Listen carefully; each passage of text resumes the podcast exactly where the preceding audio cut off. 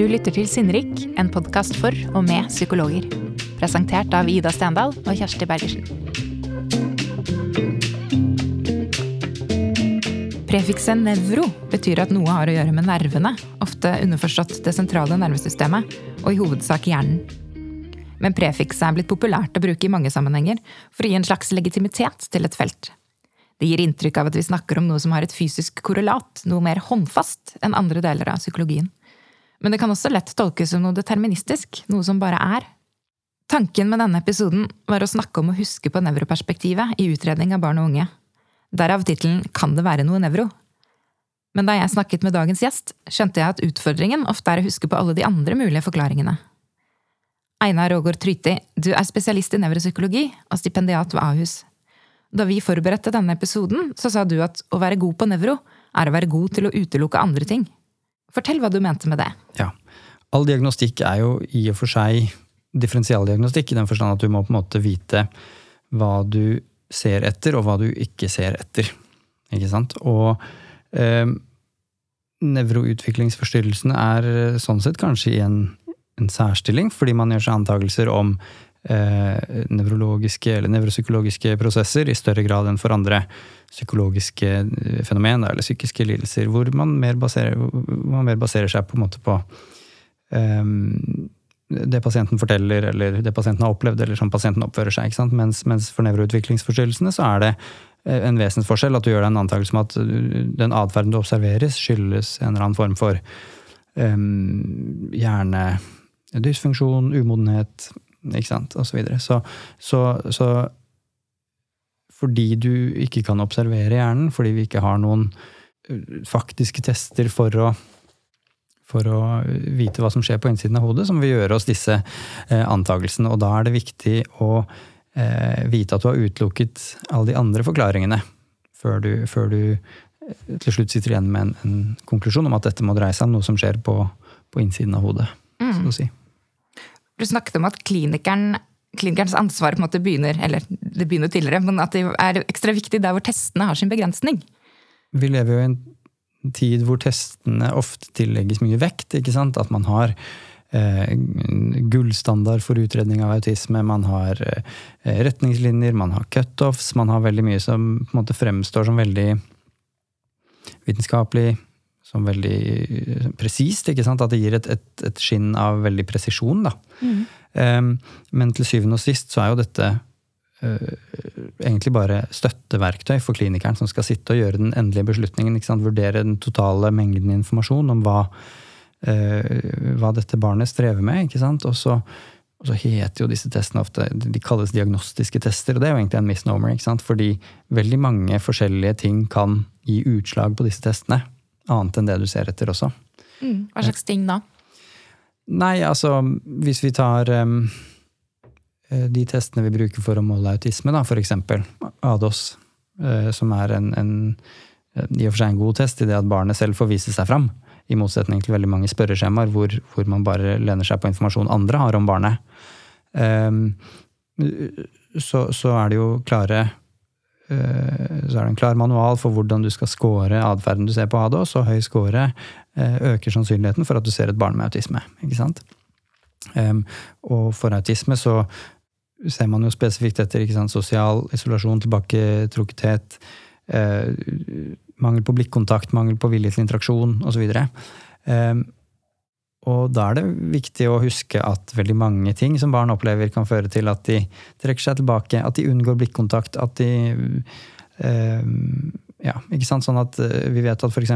depresjon hos barn kan slå ut på ADOS. Eh, og da er det viktig å vite hvordan depresjon hos barn ser ut, eh, for å være god på autisme.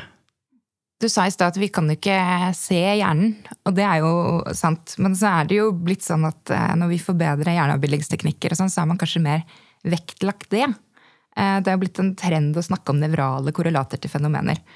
Um, som jeg tenker kan gi et inntrykk av en kausalsammenheng som kanskje ikke nødvendigvis er der. At når noe, f.eks. sinne, konsentrasjon eller depresjon, som du nevnte nå, hvis man kan liksom se noe på f.eks. FMRI, så er det mer ekte i anførselstegn enn om man observerer det som et atferdsuttrykk. Hva gjør det med måten vi forstår atferden på, tror du? I, I, psykologien så er det jo et før og et etter. ikke sant? Et før og etter MR. Et før og etter funksjonell MR. ikke sant? At, at uh, man har en ganske Eller det er i hvert fall mitt inntrykk, da, men det er mer et mm. inntrykk jeg har, at kunnskap som er generert før MR-maskinen, i hvert fall på nevrofeltet, uh, nærmest avfeies. ikke sant? At uh, alt som er fra før 1990, er ikke gangbart. er opplevelsen min, da. Og det skapte jo en voldsom optimisme i feltet. ikke sant? At nå kunne man faktisk se hjernen in action. ikke? Mm. At du så bilder av hva hjernen gjorde mens den gjorde det. Eh, og da kom det en god del forskning eh, som, som på en måte viste at man ikke sant, Da fant man fram eller man, man, rekrutterte barn med autisme, man rekrutterte voksne med autisme, og, og undersøkte hvordan deres eh, hjerner eh, så annerledes ut på funksjonell MR enn eh, en hjernene til kontrollgrupper. Ikke sant? Og det er jo en naturlig måte å tenke mm. at man skal gjøre det på. Og det som er veldig Som på en måte kanskje er et eh, problem for feltet i dag, det er at nå viser um, nå viser uh, forskning eh, på, på, forekomst av autisme sant, viser jo ganske bratt økt forekomst de siste 20-30 årene. Vi har mye flere barn med autisme i dag enn vi hadde for 30 år siden. Mm. Eller som, som, får en diagnose ja. innenfor autismespekteret. Parallelt så ser man at den statistiske styrken i MR-studier, FMRI-studier, på skillet mellom barn med autisme og, og, barn uten autisme, eller personer med autisme og uten autisme, den effektstyrken har falt med 80 mm. Ehm, som tyder på at eh, for de barna som i dag får en diagnose innenfor autismespekteret, så forklarer funksjonell MR veldig lite. Mm. Gjelder dette bare autismediagnoser? Når vi tenker på nevroutviklingsforstyrrelser, så tenker vi eh, i hvert fall i barnefeltet, så er de store gruppene er jo eh, ADHD, autisme, autismespekterforstyrrelser, i en viss forstand Tourettes syndrom osv., og, så og så er det psykisk utviklingshemming. Um, som er liksom de store som, som, som, tar de største delene av nevrokaka, da, sånn sett.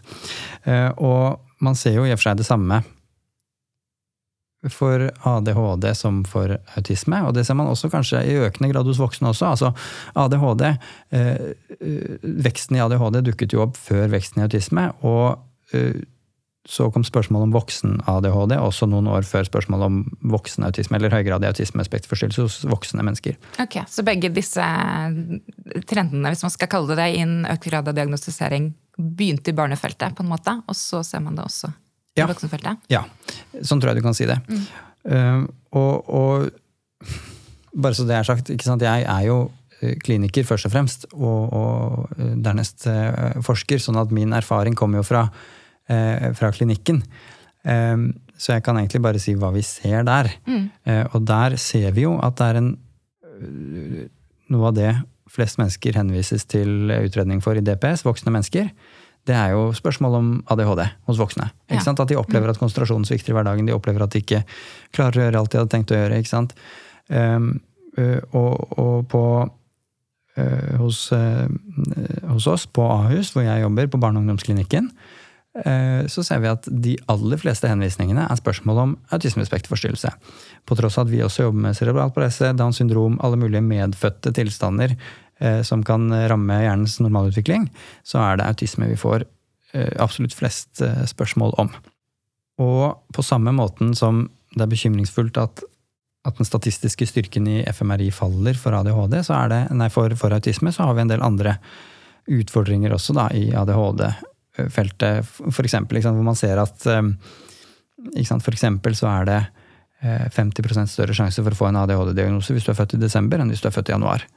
Um, så da må man stille spørsmål om eh, Eller da blir det naturlig da, å stille seg spørsmål om hva man egentlig har målt. Hva er det egentlig testene måler, eh, når du får sånne systematiske feil. Mm. Og det er kanskje Når man spør er det noe nevro? Um, som er et veldig vanlig spørsmål. Mm. Og mm. vi, vi, hører ofte det spørsmålet eh, formulert som um, det må være noe mer. Det kan ikke bare være slik, eller bare være sånn. Her må det være noe mer. Underforstått at her er det noe konstitusjonelt, her er det noe mm. medfødt. Biologisk. Noe biologisk, ikke sant? fordi ellers ville vel ikke dette barnet oppført seg slik. Okay. ikke sant? Er, er antakelsen. Og, og, så kan du si at Men det er jo fra en, en, en fair antakelse, dersom det er slik at 50% flere barn får, ADHD hvis de er født i desember enn i januar, så er det riktig at det er noe biologisk. Det bare er ikke ADHD nødvendigvis. ikke sant? Det er jo bare at man ligger litt bak i utviklingen. Mm. Mm. Og sånn at uh, vi, vi, står overfor et problem når man ser at antatte nevrobiologiske tilstander begynner å variere systematisk langs ikke-biologiske linjer. Som for eksempel sant, når du er født på året, sosioøkonomisk status, uh, etnisk bakgrunn, uh, språkbakgrunn. Hvis, hvis nevroutviklingsforstyrrelsene begynner å variere langs de dimensjonene, så man uh, så er man nødt til å stoppe opp litt, tenke seg om hva er det egentlig vi ser etter, hva er det egentlig vi måler.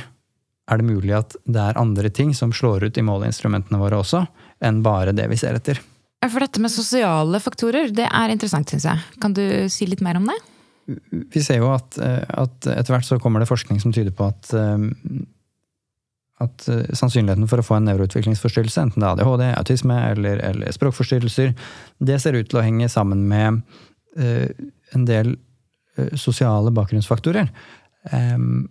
For eksempel så vet vi at, at eh, barn, med, barn, som kommer fra hjem med lav sosioøkonomisk status, har høyere risiko for å utvikle ADHD. For eksempel, eller for, ikke for å utvikle ADHD, men kanskje for, for å få en diagnose. Ja, ADHD-diagnose. ikke sant?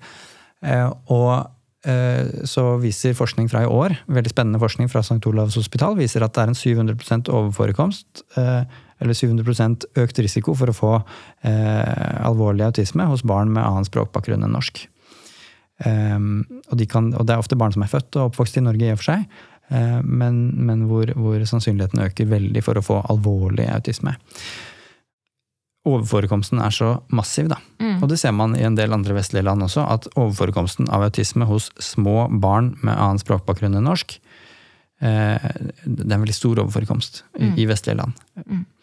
Um, da er man nødt til å spørre, stoppe opp, i hvert fall. og spørre, For det kan jo godt hende at det er, er riktig, at det skal være sånn at, at, det er noe som gjør at disse barna har eh, mye høyere risiko for å få autisme enn en ikke. Men da må man jo spørre seg om det er riktig, og hva er eventuelt konsekvensen av å ta feil. Mm. Ja, for det syns jeg er interessant her. Fordi verdien av en diagnose, en måte, å sette en diagnose, må jo være å utløse hjelp. Altså riktig hjelp. Og, og hva kan konsekvensen være om man setter si en autismediagnose der det egentlig er snakk om kanskje ja, noe helt annet. Det viktigste er at barna får hjelp. Mm, mm. Til syvende og sist er det aller viktigste at de barna som strever med noe her i verden, får hjelp med det, sånn at de eh, får muligheten til å utvikle seg eh, på en slik måte som gjør at de har god psykisk helse som voksne. Mm. At de blir stabile, veltilpassede voksne. Det er mm. det alle ønsker for barna sine. Eh, og så er spørsmålet Ja, ok, hva om du får en, en, en gal diagnose, da? Mm. Ikke sant? Og da må man spørre seg litt hva er egentlig hensikten med diagnoser i det ja, hele tatt. Hvis det er hipp som happ om du får en autismediagnose eller en traumediagnose eller en, en ADHD-diagnose ja. eller en språkforstyrrelse. eller en, Det kan være hva som helst. Og da blir differensialdiagnostikken viktig. ikke sant? Fordi det er jo en grunn til at vi holder oss med disse diagnosene. Mm. Det er jo ikke bare fordi atferden er ulik fra gruppe til gruppe til gruppe, men det handler jo også om at de har utbytte av uh, helt forskjellige behandlingsintervensjoner. Mm. For eksempel så vet vi det at um, altså Det er dokumentert både på, fem, nei, på, på 60-, 70-, 80-tallet i Norge at barn med annen språkbakgrunn eh, hyppigere får eh, diagnoser språkforstyrrelse enn norske barn. Mm. Og det er jo på altså det er et veldig tydelig eksempel på noe absurd. For det er ikke noen grunn til at barn, bare fordi de har en annen språkbakgrunn enn norsk, skal ha en biologisk eh, økt risiko for å få for å få uh, en språkforstyrrelse. Nei, for språkforstyrrelse, der ligger det en antakelse der om at, at man har manglende eller nedsatt evne på en måte til å, I, til I, i diagnosen språkforstyrrelse ja. så skal du på en måte uh, være sikker på at det dreier seg om noe annet enn en, uh, Da skal du være sikker på at, at de nevrale systemene for språk er de som er rammet og fører til en, en vanske med språket. Ja, mm. Ikke sant? Ehm, sånn at når man ser at det er en overforekomst av språkforstyrrelser hos barn som har en annen språkbakgrunn enn norsk, så må man tenke at her er det en, en, en tospråklighetskomponent. ikke sant? Mm, at, mm. at, effekten av det å vokse opp med to språk på en eller annen måte, eller effekten av Og det trenger ikke være det, eller det kan være en proxy. Det også at tospråklighet er en proxy for lav sosioøkonomisk status, f.eks. Som igjen fører til at de strever på skolen. Eh, men, men noe av poenget er at en genuin språkforstyrrelse på den ene siden hvor du har på en måte eh, skader og dysfunksjoner i venstre eh, hjernehalvdel. Eh, En genuin språkforstyrrelse vil ha et helt annet tiltaksbehov eh, Eller dette barnet vil ha et helt annet tiltaksbehov enn et barn som mm, bare bruker litt lengre tid på å lære seg norsk. Mm. Fordi Ja, man står i kanskje en vanskelig flyktningsituasjon, eller hva det måtte være. Mm. Sånn at det ene barnet trenger på en måte trygg normalpedagogikk, og det andre barnet trenger kanskje mer spesifikk spesialpedagogikk. Mm. Um, og, sånn at For språkforstyrrelsene de er egentlig et veldig godt eksempel som gir et veldig godt bilde på hvordan, eller på hvilken måte jeg tenker det er viktig å tenke på også for de andre nevroutviklingsforstyrrelsene. For ADHD eller for autisme. ikke sant? Man kan se for seg at et barn som ikke klarer å sitte stille på stolen eh, på grunn av eh, at han opplever noe vanskelig hjemme, eller, eller bare ikke forstår hva læreren sier, eh, vil ha et annet behov kanskje enn et barn som faktisk har en indre motor som driver dem. Da er det viktig å få kontroll på motoren, fordi da vil alt annet løse seg. Mens hvis du eh, går løs på motoren til de barna som er, er på en måte strever av andre årsaker, da, så vil du så vil du kanskje ikke få tak i det problemet som virkelig eh, plager dem, da, eller som er årsaken til deres vansker. Jeg har også lyst til at vi skal snakke litt om normalpsykologi og normalvariasjoner. Fordi hva som regnes som normalt, det endrer seg jo over tid. Eh, Og hva som er et problem, det vil jo avhenge av hvilke omgivelser man er i. Eh, Når samfunnet og skolesystemet ikke minst stiller andre og strengere krav enn før, så vil jo andre mennesker, og nødvendigvis også flere mennesker, falle utenfor. Har du inntrykk av at normalen når det gjelder atferd og evner hos barn, er blitt smalere enn for si 20 år siden? 30 år siden? Ja, det tror jeg absolutt. Eh, altså som, altså vi, det er paradoksalt, for vi lever i et samfunn hvor vi, hvor vi snakker så veldig høyt om å være tolerant overfor psykisk lidelse, være tolerant overfor nevrodiversitet, være tolerante eh, ikke tolerante overfor nevrodiversitet, men vi hyller nevrodiversiteten. på en måte At vi hyller, um, hyller menneskets variabilitet. Em, og det er fint, ikke sant? men på den Ja. andre siden så vet vi at, at hva som er normalt, snevres og snevres og snevres. mm. snevres inn. ikke sant? At, at nå klarer man nesten ikke lenger skille mellom eh, normal og unormal med diagnosene våre. ikke sant? At, eh, og, og da blir det helt korrekt å spørre som du spør, hva skal vi med diagnosene da? ikke sant? Hvis de ikke klarer lenger å skille mellom, eh, mellom det som på en måte gir vansker, og det som ikke gir vansker. Um, mens um, et, et begrep som jeg syns vi snakker altfor lite om, eller som vi bruker mye i klinikk, da, som eh, er et helt sentralt verktøy i differensialdiagnostikk, det å forstå et barn. Det barnet du har foran deg, det er IQ.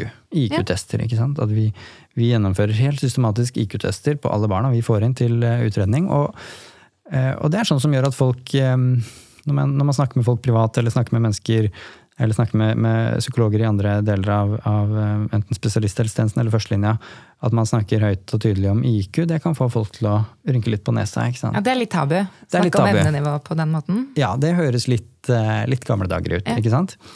Um, samtidig som, som det å kunne noe om barnets holdt på å si, normalforutsetninger, Mm. Det er veldig viktig for å si noe om det unormale. Ikke sant? Fordi alle barn har en IQ som kan måles. Alle barn kan gjennomføre en IQ-test, og, og så kan vi mer eller mindre presist si noe om deres forutsetninger for, eh, for læring, for språk ikke sant? osv. Eh, og det er veldig viktig kunnskap, ikke sant? for man kan se for seg at det er stor forskjell på et barn med 120 IQ. eller altså IQ har et gjennomsnitt på 100. ikke sant? Gjennomsnittet er alltid 100. Så alt over 100 er barn som har over gjennomsnittlig intelligens, og barn som har under 100 har under gjennomsnittlig intelligens. Eh, Og det er stor forskjell på å ha et barn eh, med 130 IQ, som er blant de da 2% smarteste barna, eh, som ikke klarer å sitte stille på stolen, eh, eller et barn med 70 IQ, som er blant de 2% svakeste barna, som ikke klarer å sitte stille på stolen. At de, eller, sant, eller 115 og 85, da, som er på en måte vanligere barn. Altså Det er mye Ja, vanligere å treffe på et barn med 115 og variasjonen. 85, men de vil ha veldig store de vil ha veldig store eh, forskjeller, det er veldig store forskjeller mellom hva de vil streve med, og, de, øh, og, og hvilken måte det kommer til uttrykk på. Da. Man kan se for seg at et barn med 85 IQ vil streve med å forstå veldig mye av det som blir sagt i et klasserom i dag, Mm. øh, på sitt nivå. Mm. Og særlig hvis du er født i desember og har en IQ på 85. Ikke sant? Da ligger du virkelig Du er yngre enn de aller fleste. Du er Ja. både yngre enn dem, eh, kronologisk og mentalt. ikke Ja. sant? Mens et barn som er født i januar med 115 IQ, Mm. Eh, vil antagelig kjede seg Ja. i veldig mange av de situasjonene hvor, du har, hvor, hvor barnet med 85 eh, ikke vil forstå. Eh, Og disse barna sitter i samme klasserom, og du har en lærer som må forsøke å spenne disse to, disse to barna ikke sant? Og, og betjene dem, eller og, og, gi dem det de trenger, begge to. Det er en veldig vanskelig oppgave for læreren. ikke sant? Ja. Eh, og så vet vi også det at vi som samfunn krever stadig flere IQ-er for, Mm, mm. for å løse helt eh, vanlige arbeidsoppgaver. ikke sant? At eh, Før så var det en god del yrker som man kunne gjøre i Norge, men med, med et IQ-nivå på mellom 70 og 85. Mm. De yrkene fins ikke lenger. Nei. Ikke sant? Eh, den- selv, holdt på å si Det er så mye avansert maskineri, ikke sant? Det er så mye Bare man skal eh, Bare man skal um, være vaskepersonale, ikke sant? rengjøringspersonale, så krever det at man på en måte kjører denne lille bilen rundt ikke sant? som børster mm. bakken eh, for deg. Ikke sant? Du må kunne betjene den, du må kunne betjene alle mulige uh, lister over hva som skal vaskes når. ikke sant? At det, det, er på en måte, det, det krever selv, selv på en måte det man tidligere tenkte på som uh, kall det enkle yrker, da, eller, eller eh, yrker som alle kunne gjøre, de, de er forsvunnet i samfunnet vårt. Og da har du en og, og, og kommer du under 85 IQ, Mm. så er det veldig lite du kan gjøre i det konkurranseutsatte arbeidslivet i Norge. Mm. Og så kan du si ja, ok, men hva er problemet med det? da? Jo, problemet med det er at det gjelder 14 av oss. Ja, ikke sant. Mm. Det er grensen av normalvariasjon. Det er grensen av normalvariasjon. Ja. Og man kan se for seg at etter hvert som automatisering tar mer over, så vil denne grensen flytte seg. Mm. Så har du i andre enden så har du et problem, ikke sant? at eh, det er ingen som får en øh, som får varige trygdeytelser bare fordi de har en IQ mellom 70 og 85. Nei, og det burde heller ikke være nødvendig. Det burde heller ikke være nødvendig. Ja, det kan man absolutt innvende, men, men man kan i hvert fall se på det som et paradoks. Da, at, at eh, du har 14% av, av befolkningen er helt normal, men vil ha store vansker med Ja, å delta i arbeidslivet. Ikke sant? Og hvordan vil det komme til uttrykk, da? Ikke sant? Jo, kanskje det vil komme til uttrykk som vansker med å, å konsentrere seg, vansker med å forstå. Ikke sant? Og hvorfor er det slik, hvorfor er det sånn? Og da trenger man en eller annen forklaring på det, da. Fordi, og, og, og i, at så lenge det er så vanskelig å snakke om kognitive forutsetninger som det er i dag, Mm. så velger man kanskje de Eller så, så, så Hva skal man si helt er lettere å se til diagnoser eller eh, Ja, for man har abnormal psykologien i Ja, man anførselstegn har enn nesten ikke noe valg, kanskje. kanskje. Man har nesten ikke noe valg engang, fordi det er de forklaringene som ligger der. Ja, som, som er aktuelle forklaringer. Det er de som vurderes. Jeg har hørt psykologer som i den differensialdiagnostiske prosessen under utredning av ADHD si at um, jøss, da vi gjorde evnetesten, så så vi at ADHD-en var så kraftig at han bare fikk 73 på evnetesten. Oi, ok. Ja. Mm, ikke sant? Og det blir jo helt, det, det er en, en bakvendt forståelse av hva du egentlig har målt, fordi gjennomsnitts-IQ-en hos voksne og barn med ADHD er eh, 98. Mm. Ikke sant? Og da er det mye mer sannsynlig at IQ-en forklarer konsentrasjonsvanskene, enn at konsentrasjonsvanskene forklarer IQ-en. Mm. Så det blir et etterretningsspørsmål. Mhm. Men er det sånn at det er skummelt å snakke om evnenivå fordi man tenker at det er noe deterministisk ved det, på en måte? Jeg tror det er en stor del av det. ikke sant? Mm. At du sier noe om, om på en måte at um, man er begrenset av sin biologi på en eller annen måte. Eh, og i en, en viss forstand så er jo det sant også. Ikke sant? At, at uh, det er helt klart at IQ som, som begrep, eller IQ som fenomen, er sterkt arvelig, eller har en sterk, stor arvelig komponent. Det er klart. Eh, men så vet vi f.eks. at eh, IQ hos barn med lav eh, sosioøkonomisk status, så er IQ veldig miljøbetinget. Mm. Mens hos barn med høy sosioøkonomisk status er det veldig høy arvbarhet. Ikke Ja. sant? Fordi når du har alle muligheter, så er det bare biologien som kan variere. Ja, ikke sant? Man tenker at man, man opererer med et spenn, på en måte. For, Ja, ja altså, og, men dette er på en måte noe en kliniker må ha med seg i møte med et barn. Da. Hva slags Mm. bakgrunn har du, hvor mye tjener foreldrene dine, eh, hvilke muligheter har du hatt til å nyttiggjøre deg ditt potensial? Ja, og hvis du ikke har hatt de mulighetene til å nyttiggjøre, ditt, nyttiggjøre deg ditt potensial, så må du også vurdere, eller så må du holde døren på gløtt for at det kan være noe annet enn biologien som er forklaringsmekanismen her. Um, mm. Og Og det vil gjelde ikke bare for evnenivå, men også for nevroutviklingsforstyrrelser. Ja, det vil det. Absolutt for, for nevroutviklingsforstyrrelser generelt. Men, men IQ er på en måte en særklasse fordi IQ er så innmari godt definert, innmari godt operasjonalisert, veldig godt normerte tester, i motsetning til testene for autisme, så er IQ-testene IQ-testene eh, standardisert etter helt andre eh, kriterier for, for stringens, eh, eh, aktualitet, lokal Mm, normering. norske normer. Norske normer, Ja. ja. Så IQ-testene er på en måte per definisjon bedre enn veldig mange av de testene. Altså bare objektivt sett bedre Mm, enn testene vi bruker for å måle autisme. Da. Så er det også dette spørsmålet ikke sant, om, om, om Som vi føler vi har vært inne på når vi snakker om determinisme. Da, ikke sant? Mm. Genetisk må det være sånn. Ja. Eh, og jeg, jeg tror nok nevropsykologer ofte blir ansett for å være kanskje mer, mer Hva skal man si? Mer opptatt av det nevrobiologisk betingede. Ikke sant? At slik er det, slik må det være, Mm. osv. Eh, som jeg opplever som en litt urettferdig kategorisering. Fordi eh, min opplevelse er at nevropsykologer mer enn noen kanskje ser etter eh, alt som ikke kan være nevro, eller er klar over hvor avhengig hjernen er av ytre stimulering Ja, for å utvikle seg normalt. Ja, Ikke sant? Vi ja. vet så innmari mye om hva slags miljø, miljøerfaringer hjernen er avhengig av første leveår, andre leveår, tredje leveår for å utvikle seg normalt. Mm. Og vi vet at hjernen utvikler seg annerledes hvis den ikke får disse eh, eh, disse erfaringene da, Mm. med, med tidlig sosialt samspill osv. Og, så og da er det lett å eh, tenke at ja, er det bare miljø da, eller Nei, for det er jo ikke det heller. fordi all menneskelig atferd må komme til uttrykk gjennom genetikken vår. ikke sant? Sånn at det som skjer når et barn eh, i, i første leveår får masse varm stimulering og varm tilknytning til eh, omsorgspersonen osv., så, videre, så kommer jo det til uttrykk gjennom epigenetiske forandringer. Så sånn sett så er det jo 100% genetisk, men det er også 100% miljøbetinget.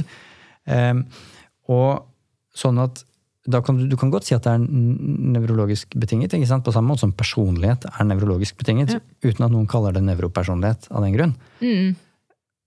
Uh, fordi personligheten utvikles på en måte som på en måte et, et, et samspill, en, en forhandling mellom temperament og miljø, barn og miljø, nerv, nervesystem og miljø. ikke sant? At det forhandles fram gjennom en sånn transaksjon hvor eh, barnet ytrer, miljøet svarer, barnet svarer på det, og så blir det en transaksjonell, Ja. et transaksjonelt samspill mellom, mellom miljø og, og, og hjerne. Da. Og den moderne nevropsykologien er jo veldig godt rustet til å svare på hvor voldsom eh, hvor voldsomt det stort variasjonsbredde det er i, i utfall da, av det samspillet.